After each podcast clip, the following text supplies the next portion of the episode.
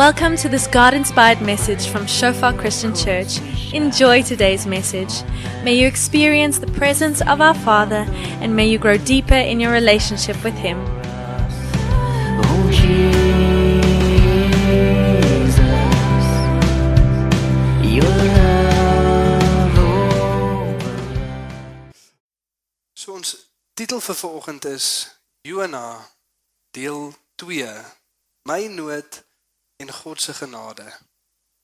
My nood en God se genade. En om net 'n recap, laasweek het ons na deel 1 gekyk. Jona maak klaar en gaan waar Jona hierdie opdrag kry van God af om klaar te maak na Ninive toe te gaan en hulle te gaan aanspreek. En baie belangrik soos wat ons spesifiek gaan fokus op hierdie stuk skrif vandag waar die genade van God uitgelig word, moet ons onthou dat hoe hierdie hele storie begin het. En dit het begin met die woord van God wat na Jona toe gaan omdat die boosheid van 'n sekere nasie voor God opgekom het. Die boosheid van hierdie stad het voor die Here opgekom. Belangrik om vir ons te onthou dat terwyl ons kyk na God se genade dat dit is 'n heilige God wat oordeel vereis. En as ons nie draai nie, as ons nie terug na God gaan nie, dan is daar gevolge. Soos wat ons in hoofstuk 1 ook gesien het, ongehoorsaamheid selfs van die wat klaar God ken. Dit beteken nie nou omdat ons Christene is, ons kan maar net doen wat ons wil nie. Soos wat Paulus so mooi sê in Romeine 6, waaraan sal ons sê sal ons wat gesterf het tot die sonde langer daarin lewe? Nee, glad nie. Hoe kan ons wat gesterf het tot sonde langer daarin lewe? Ons ongehoorsaamheid gaan nog steeds 'n effek hê op ons lewens. Soos ons laasweek ook gesien het, hierdie 12 sip lesse wat ons moet leer uit die eerste hoofstuk van Jona uit. Die eerste een is dat ons eie ongehoorsaamheid onnodige storms gaan veroorsaak in ons lewens. As ons konstant ongehoorsaam is teenoor God, dan gaan dit na plekke toe lei wat nie goed is vir ons nie. En nie welvaart evangelie wat dan sê maar as ons altyd God dien, gaan dit altyd goed gaan met ons nie. Nee, daar gaan moeilike tye kom, daar gaan toetse kom, daar gaan storms kom omdat ons God volg. Maar hier praat ons van ons gehoorsaamheid wat self-inflicted, ons eie moeilikheid vir onsself veroorsaak. En ek seker vanoggend soos wat ons hier so sit, kan elke liewe een van ons terugdink aan 'n tyd in ons lewens wat dit dalk ons was. Daai besluit wat jy gemaak het, daai klomp besluite wat jy gemaak het, wat jou na 'n sekere situasie toe gelei het wat nie veronderstel was om daar te wees nie. Jy kon dit gevermy het, maar jou eie ongehoorsaamheid het jou in daai situasie laat beland. En het ons gesien nie net dit nie, soos Galasiërs 6:7 sê dat wat ook al jy saai sal jy maai. Al is jy 'n Christen. Al is jy 'n Christen as jy in iemand se erf ingaan waar jy nie moet wees nie, as honde gaan hulle jou buite net gaan seer wees. Al is jy 'n Christen, ek weet vir party van ons is dit nog 'n skok vanoggend. Maar regtig. Jy kan gaan kyk as jy my nie glo nie. Maar ek sal dit nie aanraai nie. En dan die tweede subles wat ons leer uit hoofstuk 1 uit dat nie net gaan dit ons affekteer ons ongehoorsaamheid nie, maar ook die mense om ons. Die matrose saam met Jona op die skip, hulle het hulle vrag verloor. Dit waar het hulle 'n bestaan maak, dit wat hulle koop en verkoop, hulle moes dit in die see gooi, hulle het dit verloor. Ons ongehoorsaamheid gaan die mense om ons ook heel moontlik iets kos. En aan die ander kant ook ons word ook geaffekteer deur die sonde van die mense om ons. Partykeer meer direk, partykeer minder direk. As ons kyk na ons land ook, ons word daagliks geaffekteer deur die sonde van mense om ons. En dieselfde is waar aan die kant toe. En voordat ons half hopeloos raak, is een van die ander temas wat reg deur die boek ook uitstaan, God se soewereiniteit. Dat al is daar keuses wat ons maak, al is daar besluite wat ons maak wat die mense om ons affekteer, bly God nog steeds soewerein en hy tree in wanneer hy wil en doen wat hy wil sodat hy nog steeds sy doel kan bereik. Amen. En terwyl die matrose hulle vrag verloor het, het hulle wel God leer ken. Hulle het iets aards verloor, iets tydigs verloor, maar hulle het iets ewigs gekry en dis om die God van skrif te leer ken. Hulle het Jahweh, die verbondsnaam van God, begin aanbid aan die einde van hoofstuk 1. Maar die plek waar ons stil gestaan het was daarso by vers 6. So het ons gesê die boek van Jona word daar klomp vrae gevra wat nie geantwoord word nie sodat ons as leser kan reflekteer. Want terwyl Jona 'n geskiedkundige boek is van iets wat besig is om af te speel, is dit ook besig om Israel se hart op die tyd uit te beeld. Maar ook ongelukkig Israel in geheel en ook ongelukkig die kerk in geheel. Ons is gereeld waar Jona is. onbereidwillig om op te tree en 'n lig vir die wêreld daar buite te wees, om te doen wat God ons geroep het om te doen. Soos ons gesê het, ons het ook die opdrag gekry om die nasies te gaan bereik. Ons het ook die opdrag gekry om die evangelie te gaan verkondig. En party van ons is aktief besig om weg te hardloop van daai roeping soos Jona, maar party van ons is besig om passief te sit en dis ook ongehoorsaamheid. En op die einde het ons gesê dat as jy nie gereeld die saligheid van die mense om jou in ag neem nie, moet jy jou eie saligheid in ag neem. Want dit beteken dat ons hart teenoor God is nie reg nie. Soos die skip se kaptein na Jona toe kom in vers 6 en hom bestraf, die wêreld wat die kerk teregwys en vir hom sê hoekom lê jy en slaap? Gee jy nie om dat ons besig is om te vergaan nie? Dis wat die wêreld besig is om vir die kerk te sê, hoekom lê julle en slaap? Gee julle nie om dat ons vergaan nie. Staan op en bid tot jou God. Ons het gesien dat dit is waar dit begin, die onbereidwilligheid om op te staan, te bid tot ons God, geestelik passief. Ons ken nie die, die God wat ons veronderstel is om te verkondig nie. En tweedens is ons nie gereeld besig om vir God te vra om ons hart te gee om die nasies te gaan bereik nie. Selfs soos wat ons sien Jesus sê in Matteus 9. Die arbeid is groot. Die arbeiders is min, die oes is groot. En wat s'ie antwoord? Dit gaan onmiddellik te bid tot die Here van die oes dat hy arbeiders sal uitstuur. Laat God in mense se harte kom werk en wanneer hy hulle stuur dat daar oortuiging sal wees. Selfs met Charles en Corlia vanoggend. Bid Moenie net hastig in iets inspring nie, maar bid en laat toe dat God kom en 'n oortuiging kom gee en uit daai plek uit kan ons dan lewe. Amen. En dan sien ons nog steeds terwyl hulle vir Jona kom bestraf, hy staan nie op nie, hy bid nie tot sy God nie. Inteendeel, die matrose is meer moreel in 'n goeie plek eerder as Jona. Hulle probeer sy lewe red. Selfs al sê hulle oor hierdie is my skuld, die storm is as gevolg van my. As julle my in die see gooi, sal die storm bedaar dan sien ons nog steeds probeer die matrose hart roei om vir Jona by die kant uit te kry. Hulle wil sy lewe red. Hulle gee om oor hom. En nie die ander kant om nie. Maar Jona sê nog steeds niks. Jona bly nog steeds passief en op die einde gooi hulle vir Jona in die see en 'n vislik kom in. En as jy vraag wat ons vir onsself moet vra is wat ons na die gesondheid van die kerk ook in geheel kyk dat ons ook meestal passief is as dit kom by uitreik na die mense om ons toe. Wat doen 'n heilige God met so 'n mens? Sal hy vrae gou kan antwoord daar waar jy sit? As jy dalk jouself in God se skoene gesit het, 'n almagtige, heilige skepper van die heelal. Reg hierdie skrif, daar's niks en niemand wat nie vir God luister nie, nie die wind nie, nie die see nie, nie die skepping nie, nie die berge nie, nie die diere nie. Alles luister vir God, maar daar's een wat nou en dan dink hy slimmer. Dis die mens. Selfs die hemelse wesens as God praat dan luister hulle. Maak selfs nie saak aan watter kant nie. Wie is hierdie man dat selfs die onreine geeste hom gehoorsaam? Daar's net een wat dink hy weet beter elke nou en dan. Dis ons as mens. En nou is die vraag, wat doen 'n heilige God? Wat doen 'n almagtige God met so 'n mens?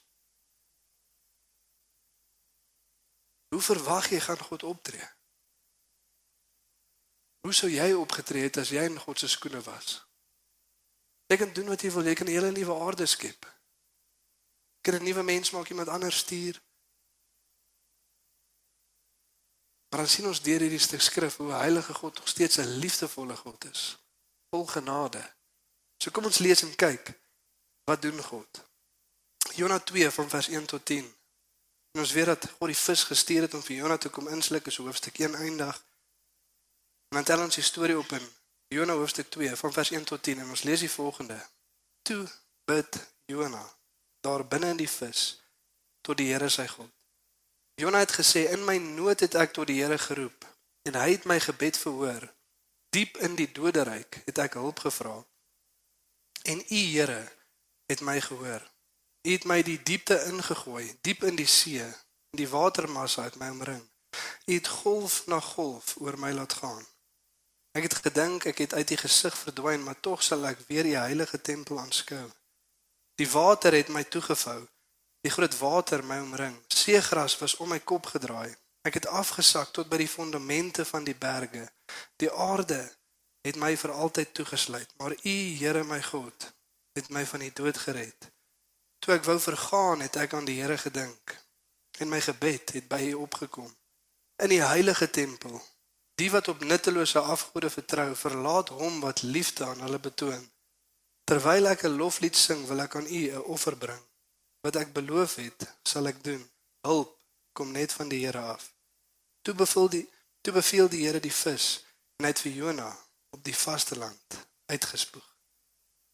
'n Interessante storie en baie keer dan lees ons vinnig. Partykeer lees ons net vinnig in geheel deur die hele skrif. Maar stories soos hierdie spesifiek Jona 2 dan lees ons vinnig oor en ons mis partykeer so half die punt wat hierso gemaak word. En die rede hoekom ons vinnig verby dit lees is eerstens want ons is te haastig, te besig met te veel goed en ons weet nie lekker hoe om stil te sit op skrif te mediteer, die regte vrae te vra en tot God te nader in gebed om vir ons 'n antwoord te kom gee nie. Net daarsof ons sit gou vanoggend, miskien 'n goeie refleksie om te doen. Wanneer laas het jy regtig met 'n stuk skrif wat jy nie verstaan nie of jy ken nie die diep betekenis van dit raak sien nie, gesit, gekyk na hom, oor en oor en oor gelees, gebid en vir God gevra, wat is besig om hier aan te gaan en gesit en gedink aan daai stuk skrif. Jy weet die antwoord nie, maar wanneer laas het jy dit gedoen? Wanneer laas het jy net vir 20 minute gesit en stil gewees? Dis Psalm 46 sal sê: "Wees stil en weet dat ek God is." Corneille Becker sê die westerse wêreld is die enigste mense wat lees: "Wees stil en weet ek's God" en dan sing ons dit. Ons kan nie stil bly nie. Ons sal dit eerder sing. Maar wanneer laas was jy net stil? So eerstens ons mis baie keer die dieper betekenis want ons is te haastig. Tweedens is dit ook 'n bietjie moeilik want die skryfstyl verander van narratief na digkuns. Soos al 'n storie wat ons besig is om te volg en ewe skielik is daar hierdie psalm in die middel van die storie. En ons moet anders dink en anders oplet. En baie keer is ons net nie lus om dit te doen nie en dan kom ons maar net by die res van die storie uit en ons lees maar net aan. En dan dink ons al of die punt van hoofstuk 2 is as jy in die moeilikheid is bid. As jy in die moeilikheid is bid. En ek verstaan ons is moeg. Ons gaan amper einde van die jaar. Mense is besig met shutdown. So as dit al is wat jy uit die storie uitvat vanoggend, is dit ook oukei. Okay. Dis dis 'n goeie prinsip. As jy in die moeilikheid is bid. So as dit al is wat jy hoor vanoggend, doen dit. Maar weet net ook, dit is omdat ons nie gereeld bid nie wat ons in die moeilikheid beland. Amen. Want is omdat jy onbereidwillig is om op te staan en te bid tot sy God wat hy is waar hy is. Soos ons nie bid nie, beland ons in die storm. As jy in die storm is, begin bid. Dit alles wat jy verstaan vanoggend is dit ook oukei. Okay. Maar dan sien ons 'n bietjie van die dieper betekenis van hoofstuk 2. As ons regtig stil staan en mooi daardeur gaan, dan sien ons die genade van God wat besig is om aan Jonah geopenbaar te word. Reg deur die boek sien ons dit. Vir verskillende mense, 'n stad, hierdie matrose, selfs vir Jonah, die een wat weghardloop van God af. Is God se genade daar en God se liefde daar. Maar dan twee goeters wat ons sien soos wat ons deur hierdie hoofstuk werk, is een die genade van God lyk nie altyd soos wat ons dink dit gaan lyk nie. Dit dit pas nie lekker in ons frame of reference nie. God tree op 'n manier op, hy doen sekere goeie, sekere goed gebeur in ons lewe en ons dink nie dit is die genade van God wat besig is te manifesteer nie. Tweede is dat God reik sy genade uit. Maar die wat ons nie noodwendig dink hy dit voor gaan uitreik nie. Ook nie wanneer hy dit gaan uitreik nie. Jy sien as ons die volgende paar verse vat en ons haal dit uit konteks uit. En ons vra vir iemand, sê nou maar iemand kom na jou toe en hy lees net vir jou hierdie paar verse en sê God is besig om te werk. Wat dink jy is besig om hier te gebeur? Of as jy na iemand toe gaan wat net die storie van Jona ken nie, hy weet nie die konteks wat besig is om af te speel nie. En jy lees net vir hom vers 2, ag hoofstuk 2 vers 3, 5 en 6. En jy sê vir my volgende, kyk hierso. Iets is besig om te gebeur. Sê vir my 'n bietjie wat maak jy van hierdie? Maar hy ken nou nie die konteks nie. Hy weet nie wat Jona besig was om te doen nie. Al wat hy sien is hierdie. Vers 3, 5 en 6. U het my die diepte ingegooi diep in die see en die watermassa het my omring. U het golf na golf oor my laat gaan. Die waters het my toegevou, die groot water het my omring. Seegras was om my kop gedraai. Ek het afgesak tot by die fondament van die berge. Die aarde het my vir altyd toegesluit. Uit konteks uit al wat ons sien is hierdie. En jy vra vir iemand wat is besig om te gebeur? En let ook op wie's besig om te werk. Jonas sê God het hom in die see gegooi. God het golf na golf voor hom laat kom. God het hom laat verdrink. Basically wat Jonas hierso besig is om te skryf. God het hom in die see gegooi. En ons weet die matroos het hom in die see gegooi, maar Jonas erken dat daar is 'n soewereine God wat agter dit alles is, wat besig is om te werk en sy doel te bewerkstellig. Seker een van die mooiste boeke wat hierdie verhouding tussen die verantwoordelikheid van die mens en die soewereiniteit van God uitbeeld. Altyd iets waarmee 'n teoloog altyd sukkel. Hoe kan ons verantwoordelik wees maar God nog steeds soewerein wees? En ons sien 'n baie mooi illustrasie van dit hierso in die boek van Jona.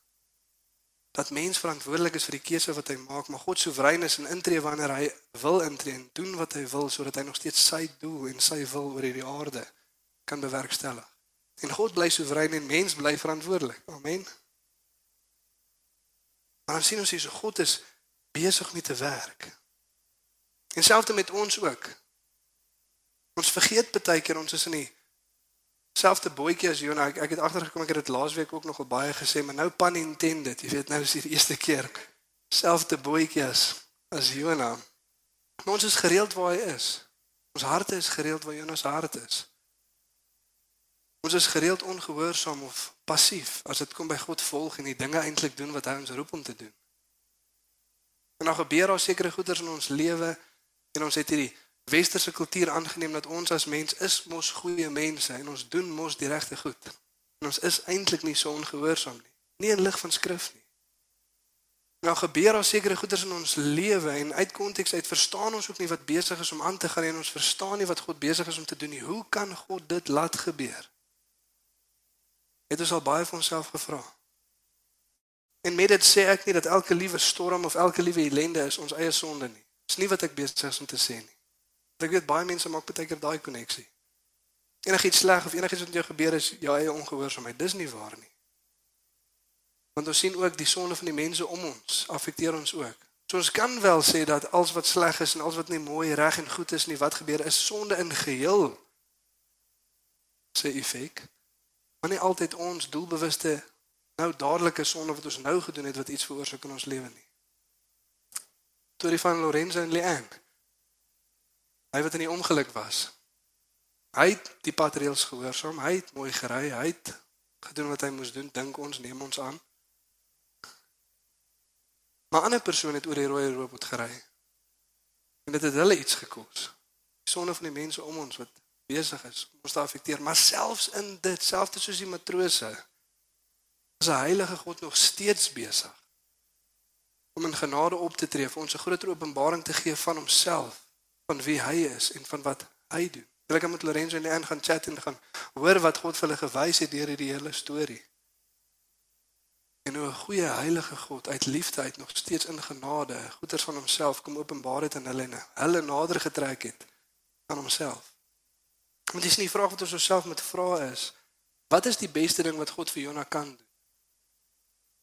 En wat is die resultaat van wat God gedoen het? Die beste ding wat God kan doen is vir Jona wakker skrik sodat hy roep op die naam van sy God en nie in sy ongehoorsaamheid afgaan na die dood toe nie. En dis presies wat ons hierso sien, God wat toelaat dat hierdie goeters gebeur sodat dit juis die resultaat is van wat gebeur. Jy sien ons lees hierso in vers 1 2 en vers 7. Toe bid Jona. Jy sien toe ander mense se lewe in gevaar was, toe ander mense besig was om iets te doen waarmee God ontevrede was, toe ander mense heel moontlik doodgaan gaan, toe Jona gelê en slaap. So wat ons as kerk ook meeste keer doen. So wat ons as mens ook meeste keer doen. As alles met ons alright gaan en dit, dit is oukei okay met ons, ons is nie in 'n onmiddellike bedreiging nie, dit gaan nie so sleg met ons nie, ons is nie in nood nie, dan lê ons in slaap. Maar ewe skielik toe Jonas se lewe in gevaar is, toe bid Jona. Toe bid Jona. Daar binne in die vis tot die Here sy God. Jona het gesê in my nood het ek tot die Here geroep. Klink dit bekend? In my nood het ek tot die Here geroep. Toe alles nie meer gaan soos wat dit moet gaan nie, nie meer lyk soos wat dit moet lyk nie, toe bid ek in my nood tot die Here. Toe ek wou vergaan, het ek aan die Here gedink. Klink dit bekend? Klink soos ons as mens. Het ek al gehoor. Toe ek wou vergaan, het ek aan die Here gedink. In my gebed het by U gekom in die heilige tempel. David Brown skryf dan sê hy dat moeilike tye, elende en swaar kry in ons lewe maak die myn van skrif oop wat voorheen ons net op die oppervlak kon sien. Moeilike tye, swaar kry in ons lewe maak die myn van skrif oop wat ons voorheen net op die oppervlakte kon sien. Die karakter van God wat deurkom soos wat ons nader druk, soos wat ons nader trek aan God, 'n heilige, liefdevolle God wat toelaat dat hierdie gebeur sodat ons nader aan hom kan beweeg. En baie keer dan vra ons ook die vraag, jy weet, hoekom laat God hierdie goeders gebeur? Hoekom gebeur hierdie goeders in my lewe? En dis dieselfde antwoord. Dis die mees liefdevolle ding wat God vir ons kan doen. Hoe genadig, hoe liefdevol is God nie wanneer hy toelaat dat tydelike goed in ons lewe skit, ruk en weggevat word sodat ons kan skuif na dit wat ewig is. Hoe liefdevol nie. Sien ek het al 'n paar keer hierso ook gesê dat my gebed is vir my eie lewe. Jy kan kies of jy dit vir jou eie lewe ook wil bid. Om vir God te vra, Here, as daar iets is, as my hart besig is om passief te raak, as ek besig is om weg te draai van U af, as ek nie besig is om uit te leef wat ek veronderstel is om uit te leef nie, kom skud eerder nou. Stuur eerder die storm nou dat dit wat tydelik is geruk geskit kan word sodat dit kan wegval sodat ek my oë kan draai na U toe en kan bou wat op ewig is. Hoekom? Want daarso is een storm wat definitief sal losbreek en dis die oordeel van 'n heilige God. As ons almal voor hom staan en rekenskap moet gee van wat ons gedoen het op hierdie aarde en op daai dag is dit te laat dan kan ek nie meer uitroep tot God nie. Dan is genade verby en oordeel het aangebreek Amen. En jy sien baie keer dink ons dat God gaan meer liefdevol wees as hy ons toelaat om maar net so passief aan te gaan. Sonder dat hy ons kom wakker skud sodat ons op oordeelsdag in Jesus Christus gevind kan wees. Maar die liefdevolste ding wat God vir ons kan doen is om ons te kom wakker skud sodat ons in Christus kan staan as Jesus terugkom. En as daai storm van oordeel losbreek oor die mensdom Amen. Dis die liefdevolste ding wat God kan doen. En onthou, in konteks van hierdie storie, soos wat ons reflekteer op die genade van God, dit wat die Here storie begin het is wat? God se oordeel. Gaan na die stad hoe hulle boosheid het voor my opgekom. Selfs soos met Sodom en Gomorra, dis dieselfde konteks. Sodom en Gomorra het nie teruggedraai nie en hulle was verwoes gewees. Selfs met Nineve, selfs sou gebeur het. En jy sien die vreesaanjaende ding is dat hulle weet en baie keer dan dink ons dit klink dit klink kort, nê? Nee? 40 dae. 40 dae. Maar die waarheid is volgens ons weet nie of ons 40 dae het nie. So dit is weer eens gesien in Lorenzo se geval. Hier is gesproke volgens die dokters om hy sit volgens nie. Maar niemand het vir jou gesê jy het eers 40 dae nie. Ons weet nie. Wat is ons lewe nie? So Here kom skud eerder nou. As ons passief is, as ons aan die slaap is. Dat ons nie eendag voor U staan en sê Here, Here en hy sê gaan weg van my of ek ken jou nie. Ek ken jou nie. Julle werk is van ongeregtigheid. Hoekom? Wat het julle nie gedoen nie? Die wil van die Vader wat in die hemel is. Volgens is die vraag, doen jy die wil van die Vader wat in die hemel is? En as jy nie doen nie, laat toe dat God kom skud en kom ruk. Maar die beste sal wees om terug te draai na hom te voor dit gebeur. Amen. So eerstens sien ons hierso dat dit lyk nie altyd die genade van God lyk nie altyd soos wat ons dink dit lyk nie. Die liefde van God lyk nie altyd soos wat ons dink dit lyk nie. Maar hierdie kan vir ons groot hoop gee, wetend dat in ons eie lewe en in hierdie wêreld is daar geen pyn, geen lyding, geen storms sonder 'n doel nie. Amen. Maar Heilige God is besig om selfs dit te gebruik om glorie vir hom te gee vir ons ewige God sodat ons kan groei in karakter en 'n groter openbaring kan kry van wie God eintlik is. Amen. As gevolg van Jonas se eie sonde, jy sien baie keer gebruik God selfs ons sonde om ons te dissiplineer. Hy straf ons nie as gevolg van ons sonde nie, hy dissiplineer ons volgens ons sonde. Vir die van julle wat Begin laas jaar kan onthou ons het so reeks gedoen heiden of heilige. Ons gekyk het na die lewe van Dawid en Saul en dit gekontrasteer het teen mekaar. Dit het ons ook gesien wat ook al Jesaja sal nie maai. 'n Ongelowige sy ongeregtigheid gaan lei na oordeel, maar ons as gelowiges, wat gaan ons ongehoorsaamheid ons kos? God wat ons dissiplineer in liefde. Selfs ons ongehoorsaamheid gebruik hierdie heilige, liefdevolle God om ons te dissiplineer in liefde. En dit voel nie lekker soos wat dit gebeur nie, soos wat Hebreërs 12 ook sê. Maar as ons terugkyk, dan sien ons die vrug van geregtigheid wat vrede in ons lewe veroorsaak. Amen. So dis die eerste ding, maar tweedens sien ons ook dat die genade van God word uitgereik vir die wat ons nie dink God gaan nie en ook nie wanneer ons dink God gaan nie.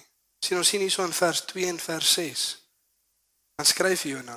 Jona het gesê in my nood het ek tot die Here geroep en hy het my gebed verhoor. Diep in die doodryk het ek hulp gevra en u Here het my gehoor. Ek het afgesak tot by die fondament van die berge. Die aarde het vir my vir altyd toegesluit. Maar u, Here my God, het my van die dood gered. Nou laat hierdie net gou-gou insinkie so vanoggend. En party van ons identifiseer dalk met Jona. Maak nie saak hoe lank jy al besig is om weg te hardloop van God af nie. Maak nie saak hoe lank jy al passief is nie. Maak nie saak hoe lank jy al aktief en ongehoorsaamheid besig is nie. Die oomblik wat jy terugdraai na God toe, hoor hy jou. Die oomblik wat jy terugdraai na God toe, hoor hy jou. Dis nou 'n vraag wat gevra word wat ons gesien het in hoofstuk 1, daar's 'n wêreld daar buite wat wonder. Miskien sal God omgee of ons vergaan of nie. Hulle weet nie, want Jonas sê nie vir hulle nie. In hoofstuk 3 vers 9 dan vra die koning van Ninive, "Miskien as ons draai na God toe, sal hierdie God ons vergewe, miskien, wie weet?" En sodat ons gesê die kerk weet. 'n wêreld daar buite wat wonder of God sal vergewe en of God regtig omgee. Die kerk weet en ons moet vir hulle gaan sê, maar partykeer in ons ongehoorsaamheid vra ons ook die vraag. Jy sien in ons verstaan partykeer, ja, ek verstaan die matrose dat God hulle vergewe het want hulle het nie van beter geweet nie. Ek verstaan dat God die mense in Ninive vergewe het want hulle het ook nie van beter geweet nie. Hulle het nie hulle linkerhand van hulle regterhand onderskei nie. Hulle het nie van beter gewees nie, maar ons as gelowiges is veronderstel om beter te weet. Wie het al so gevoel? Ek is veronderstel om beter te weet. Ek ken God, ek het sy saligheid ervaar, ek verstaan sy leiding in my lewe, hoe hy my vergewe keer op keer, hoe hy genadig teenoor my was. Ek was veronderstel om van beter te weet. En nou het ek alweer God nie gehoorsaam nie. Nou het ek alweer nie geluister nie. Ek het alweer my rug gedraai en ek het alweer weghardloop van God af. En ek voel alweer ver van God af. Ek moes van beter geweet het. En die Here sê vanoggend vir jou die oomblik as jy uitroep, dan luister hy. Hoekom? Want baie keer dan wonder ons, maar beteken dit ooit ek het regtig berou gehad oor wat ek gedoen het as ek nou al weer daar is? Is my belydenis opreg as ek keer op keer op keer myself in dieselfde plek bevind? Gaan God my belydenis aanvaar? Ja, hoekom? Want ons is nie vergewe oor die perfektheid van ons belydenis nie, maar die perfektheid van Jesus Christus se offer op die kruis. Dis hoekom. Dis in Jesus het nie vir ons kom sterf sodat wanneer ons 'n perfekte belydenis het met 'n heilige hart hy ons dan vergewe nie. Nee, Jesus het vir ons kom sterf sodat selfs wanneer ons met 'n halwe hart na God toe uitgeroep het sodat ons meestal met 'n halwe hart sing Here ek het U lief met alles in my. Ek meen dis nog 'n stelling om te maak. Met alles in ons. Dis 'n groot stelling om te maak. En God aanvaar dit hoekom te dank aan Jesus Christus se volmaakte offer op die kruis. As jy ver oggend ver voel van God of en in jou ongehoorsaamheid dink en wonder, gaan God vergewe? Ja, hy gaan. Die oomblik as jy uitroep, dan luister hy. En laat hierdie ook gego insink. God het die vis gestuur voordat Jona uitgeroep het. God het die vis gestuur voordat Jona uitgeroep het. God het nie die vis gestuur omdat Jona uitgeroep het nie. God het 'n vis aangewys om vir Jona te gaan insluk en toe roep Jona uit uit dankbaarheid vir wat God reeds kom doen het in sy lewe. Soos wat Jonas self sê, hierdie is 'n danklied van die verlossing van God. God se redding is altyd eerste. God se genade is altyd eerste voordat ons nog uitroep. En net soos wat God die vis gestuur het voordat Jona uitgeroep het, het God Jesus Christus gestuur voordat ons bely het. Ons lees in Romeine 5 vers 8. Maar God bewys sy liefde tot ons daarin dat Christus vir ons gesterf het toe ons nog sondaars was. Jy sien God sê nie vir Jona, "Oké, okay, maat, jy het jouself nou in hierdie storie gekry. Jy beter nou swem tot by die vasteland." Eers gaan doen wat ek vir jou gesê het om te doen. En dan as jy klaar gehoorsaam was, dan na my toe terugkom, dan sal ek miskien kyk of ek na jou wil luister. Nee, nee. Jy het jouself dalk in die storm gekry, maar jy hoef jouself nie daar uit te haal nie. Genadevolle, liefdevolle God. As ons uitroep tot hom, sal hy ons verlos, selfs van die moeilikheid waar ons onsself ingekry het. Maar sy genade is eerste, sy verlossing is eerste. Het Jesus Christus gestuur voordat ons uitgeroep het na hom toe. In Matteus 18 vers 11 tot 12, storie van die verlore skaap. Van die seun van die mens Jesus het gekom om te red wat verlore is. Wat dink julle? As iemand 100 skape het en een van hulle verdwaal, sal hy nie die 99 laat staan op die berg en die verdwaalde een gaan soek nie. Vir die van julle wat net die storie verder ken, die antwoord is ja, ja, hy sal. Ja, God sal die 99 laat staan om die een te gaan kry wat alweer verdwaal het. En hom op sy skouers stel en hom terugdra na die res toe. En die storie sê nie as hy die skaap teruggedraai het, gooi hy hom by die res van die skape, gee hom 'n paar houe en sê vir hom, "Sorg dat dit nie weer gebeur nie." Nee, God roep die mense en sê, "Kom wees saam met my, verbly saam met my want my skaap wat verlore is, het ek weer gekry." God verbly homself as ons terugdraai na hom. Toe hy verwag nie van ons om onsself nou weer te bewys aan hom of om vir hom te wys ons het wat dit vat nie. En ons sien dit keer en keer weer en weer uitspeel in skrif. Ons sien ons 'n spesifieke persoon in die Nuwe Testament wat my nogal baie aan Jonah laat dink. Petrus. sien die die eenheid van skrif en hoe daai lyne getrek word als na Jesus toe. En die eenheid van skrif is altyd so so mooi. Jy sien Jona was gestuur interessant genoeg na 'n heidene nasie toe. En hy vertrek van 'n plek af waar hy nie moes vertrek het nie van Joppa af. Weg van wat God hom eintlik roep om te doen, om hierdie heidense nasie te bereik. Petrus word ook gestuur na die heidene toe. Waar dink jy was Petrus daai dag toe hy gebid het op daai dak? In Joppa.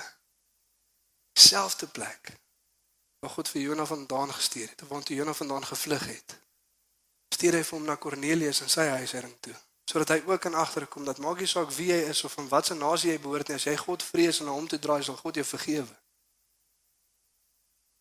Selfde storie. Ons lees in Lukas 22 soos wat Petrus vir Jesus volg. Dan sê Jesus vir Petrus: Julle almal gaan my verraai. Julle almal gaan wegval. Maar ek het vir jou gebid dat wanneer jy terugdraai Ek weet jy gaan weghardloop. Ek weet jy gaan my verraai, maar ek het vir jou gebid dat wanneer jy terugdraai, jy jou broers ook sal versterk. En Paulus, Petrus sê nee, Here, ek is reg. Ek is reg om saam met die tronk toe te gaan en reg om saam met die dood te gaan. En Jesus sê vir hom voordat die aand verby is, gaan jy my 3 keer verraai. Met ander woorde, in jou eie krag sal jy dit nie eens deur die aand maak nie. Dieselfde is waar vir ons. As ons dink ons het dit wat dit vat om God te volg uit ons eie, sê hy vir ons, jy sal dit nie eens maak deur die aand nie. Einde van die aand jy my 3 keer al verraai. En Petrus wou dit nie glo nie en dan gaan hulle saam met Jesus om te gaan bid in die tuin van Getsemane. En soos wat hulle saam met hom bid, is daar 'n teregwysing wat gebeur van Jesus se kant af na die disippels toe. Wat is die teregwysing? Selfde as met Jona. Terwyl hulle bid, kry hulle en hulle is besig om te wat te doen te slaap. En Jesus sê, "Waarom slaap julle? Staan op, bid." Selfs soos met Jona. "Waarom slaap julle? Staan op en bid." En hy sê dit vir hulle 3 keer en hulle kon dit nie reg kry nie. Toe die versoeking kom, toe val hulle weg. En dan lees ons in Markus 17 as Jesus uit die dood uit opstaan en vir sy engele boodskap gee om vir sy disippels te gee en sê hy wat? gaan roep my disippels en Petrus. Gaan roep my disippels en Petrus. En vir oggend vir elke liewe een van ons wat soos Petrus of Jonah wil, God is besig om jou terug te roep. En as jy daar sit en wonder of God jou sal vergewe of was dit nou hierdie keer een keer te veel of jy moes van beter geweet het. Sy woord vanoggend God se genade is genoeg. Jy kan terugdraai na hom toe en hy sal luister en hy sal red. En hy sal jou weer lei om te doen wat hy jou geroep het om te lei. Amen. Ons gaan nagmaal gebruik nou die elemente van die nagmaal uitdeel. En soos wat ons besig is om dit uit te deel en soos wat ons besig is om net te sit as individue, man of vrou, gesin, julle kan aan mekaar toe draai. Maar soos wat ons die nagmaal gebruik, soos wat ons dink aan wat Jesus Christus vir ons kom doen en dat hy gestuur was voordat ons uitgeroep het. En dat sy genade nie net een keer daar was sodat ons tot redding kan kom nie, maar weer en weer en weer en weer daar is omdat ons konstant ongehoorsaam is. Vra vir jouself die vraag: Waar is jou hart vanoggend? Miskien sien iemand wat vanoggend identifiseer met Nineve of of jy matrose, jy het nog nooit regtig God geken jy het nog nooit regtig uitgeroep na hom nie. So wat jy die nagmaal gebruik, besef vanoggend dat sy genade is genoeg. Sy genade is genoeg. As jy vanoggend hierso sit en jy volg God al jare lank, maar jy het nog nooit die bereidwilligheid gehad om uit te reik na die mense om jou toe nie. Jy het nog nooit iemand anders van God vertel nie. Jy het nog nooit die evangelie met iemand gedeel nie sodat jy die nagmaal gebruik, besef vanoggend dat God roep jou uit genade uit om op te staan te bid. Tree in in verhouding met hom want daar's 'n weg gemaak. Om God te ken en hy sal vergewe en hy sal jou weer uitstuur. Die woord van God sal 'n tweede keer weer na jou toe kom, selfs soos met Jona. Gaan maak disippels van die nasies. En as jy vanoggend hierso sit en jy het God gevolg op 'n tyd met passie, Jy het gedoen wat hy vir jou gesê het om te doen. Jy was gehoorsaam geweest, jy het disippels gemaak, jy het uitgereik. Maar as jy eerlik is met jouself, het jy bietjie passief geword. En jy lê in slaap. Weet volgens dat te dank aan Jesus Christus se offer op die kruis. Sy bloed wat gevloei het, sy liggaam wat gebreek het, is genade vir jou genoeg. Jy kan terugdraai na God en sê Here, ek roep ook uit in my nood. Kom maak wakker, Here en kom lei ons weer as kerk. Soos wat ons dit uitdeel gaan vir ons tyd gee dat net of waar jy is, vat jou tyd. My nagmaal saam te gebruik bid, spandeer tyd in die teenwoordigheid van die Here en wanneer jy klaar is, is jy welkom om op te staan saam hier voor saam met een van ons te kom bid. Dis 'n paar van ons hier voor wees, jy wil bid vir wat ook al. Redding vir iemand in jou familie, iemand wat na wat jy wil graag hê moet tot bekering kom. Kom bid asseblief saam met ons. Andersins is julle welkom om 'n koppie koffie daar agter te gaan kry en 'n tyd van fellowship saam met ons te geniet. Maar gaan vir tyd gee net of wees, dit reflekteer, word stil. Wees eerlik met jouself. Waar is jy vanoggend? Maak nie saak waar jy is nie, die genade van God is genoeg. En as jy by jouself dink, jy weet ek is aktief besig om God te volg en ek is regtig baie gehoorsaam weet nie of ek die genade van God so nodig het nie, kan ek jou beloof dat binnekort gaan jy dan. Want daai is hoogmoedigheid. Maar selfs die wat aktief besig is om God te volg met alles in ons, dis die genade van God vir jou. Soos wat Paulus geskryf het, ek het harder gewerk as al die ander. Tog nie ek nie, maar die genade van God wat by my was. Maar God is besig om te werk.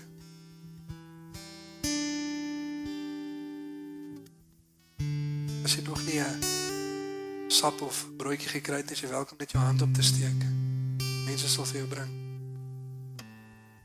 Mag af ons bid en dan kan jy lekker reflekteer daar waar jy sit en as jy klaar is vorentoe kom of agtertoe gaan vir 'n koffie.